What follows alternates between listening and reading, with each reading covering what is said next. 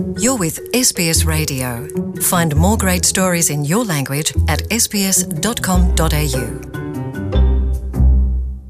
شنوندگان عزیز. در این قسمت از برنامه خلیل الله شایق با خود داریم. خلیل الله یکی از رهبرای افغانهای مسیحی در استرالیا هستند و چون ایام ایام کریسمس است و ما خواستیم در این مورد با آقای شایق گفتگوی داشته آقای شایق خوش آمدین به برنامه ما. تشکر زنده باشید. خب آقای شایق بفرمایید که امی خود کریسمس چی هست و ارزش کریسمس در آیین مسیحیت چی تشکر.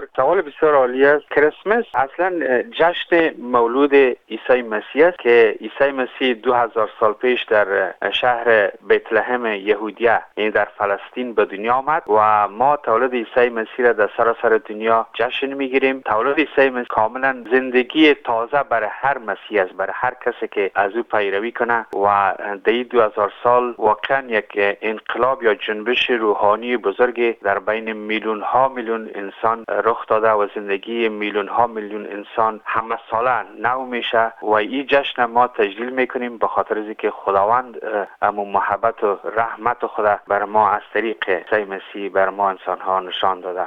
تشکر آقای شایق. افغان های مسیحی چطور کریسمس را تجلیل می‌کنن؟ آیا شما مراسم خاصی برگزار می‌کنین که مختص به افغان هاست یا مراسم مشترک با مسیحی های دیگه می‌گیرین؟ خب پیش که به اصل سوال بیم ما باید بگیم که بسیاری از افغان های ما متاسفانه فکر می‌کنن که مسیحیت یک دین غربی است. اینا می نوشن و می رقصن و همین چیزا که کاملا اشتباه است. یه همگی ما در جشن کریسمس سه روز داریم. روزی که اولا امی پیام تولد عیسی مسیح به مردم می‌رسه در شهر در فلسطین و بعدش روزی که تولد میشه و اما فردایش به اصلاح یعنی امشب مثلا اگر شب کریسمس باشه ما در کلیساهای خود در خانه های خود جمع میشیم و فرداش در کلیساها میریم با هم جمع میشیم و دعا می‌کنیم و سرود می‌خوانیم. سرودای بسیار عالی به خاطر شکرگزاری خداوند که عیسی مسیح تولد یافت.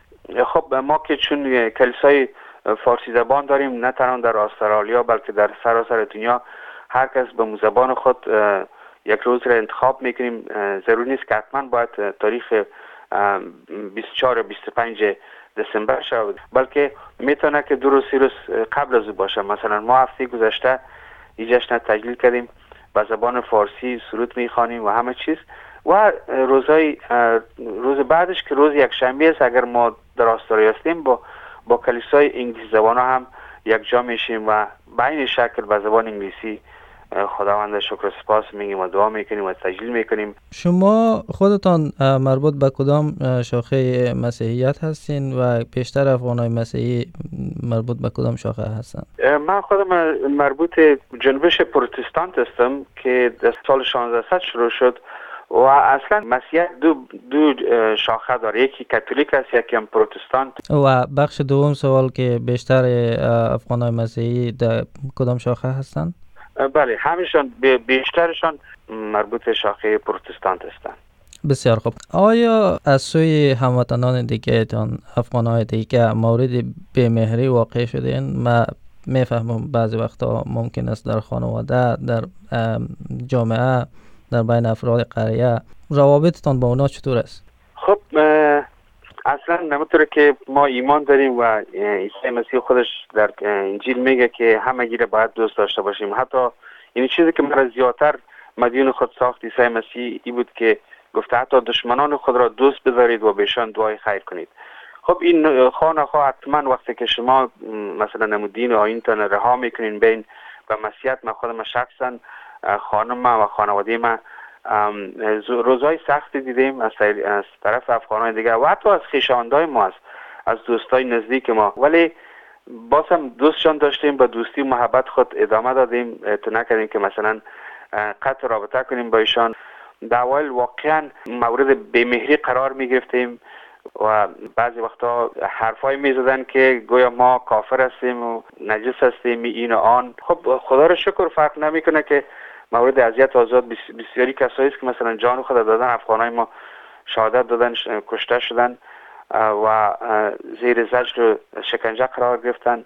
ولی همین راه است که باید ما باز هم محبت کنیم محبت می‌کنیم. بسیار خوب. آقای شایق به نظر شما تعداد افغانهای مسیحی در استرالیا چقدر از جمعیتشان؟ و اگر شما با افغانهای مسیحی در دیگر نقاط جهان در ارتباط هستین به نظرتان جمعیت کلی مسیحیان افغان چقدر است؟ خب در استرالیا ما کم داریم در نفر 15 نفر در هر شهر. ولی خدا رو شکر می‌کنیم که در کشورهای دیگه مثل زیادتر در اروپا دیدیم که افغان ها گروه گروه به عیسی مسیح میارن اگر خارج از افغانستان بگوییم ممکن است تا دو هزار سی هزار افغان هم شده باشه پیرو مسیح. در داخل افغانستان معلومات کافی نداریم چون که دسترسی به اطلاعات نیست و بسیار مشکل است که بفهمیم که چقدر تعداد است. اما ایره مطمئن هستیم که کلیساها در افغانستان هم وجود داره که ما خدا را شکر می‌کنیم. خب آقای شایق بسیار تشکر. آیا ارتباط میان مسیحی های افغان در شهرهای گوناگون استرالیا وجود داره شما با هم هماهنگ هستید؟ بله بله کاملا. چون که این محبت و عشق عیسی مسیح ما را با تمام معنایش متحد ساخته خصوصا که وقتی خبر میشیم که یک افغانی در گوشه دنیا ایمان میارم ما بسیار شادمان میشیم و در داخل استرالیا ما با هم ارتباط داریم. بعضی وقتها کنفرانس های با هم مشترکن برگزار می‌کنیم و واقعا محبت خدا عالی است. یعنی تنها محبت خداست تنها محبت مسیح است که ما را می‌تونه با هم متحد بسازه و ملاقات های می داشته باشیم و دعا می‌کنیم و با هم متحد هستیم و برای کشور عزیز خود افغانستان همیشه در دعا هستیم که خداوند کمک کنه که مردم ما محبت خدا را بپذیرند و با هم مثل همین متحد شوند مثل که ما را روح مسیح متحد ساخته. شما به عنوان افغانایی که در آین مسیحی هستند کلیساهای جداگانه دارید یا با دیگه فارسی زبان ها کلیسا یک جا دارین؟ خب کلیسای خود یعنی مشخصا کلیسای دری زبان یا افغان ها کم است.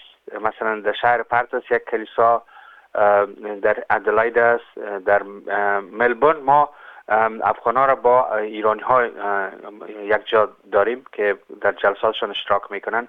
چون که تعداد کلیساهای ایرانی ها زیاد است. در ملبورن سیدنی ولی ایماندارا کم هستن اونا همشان میرن در اونجا.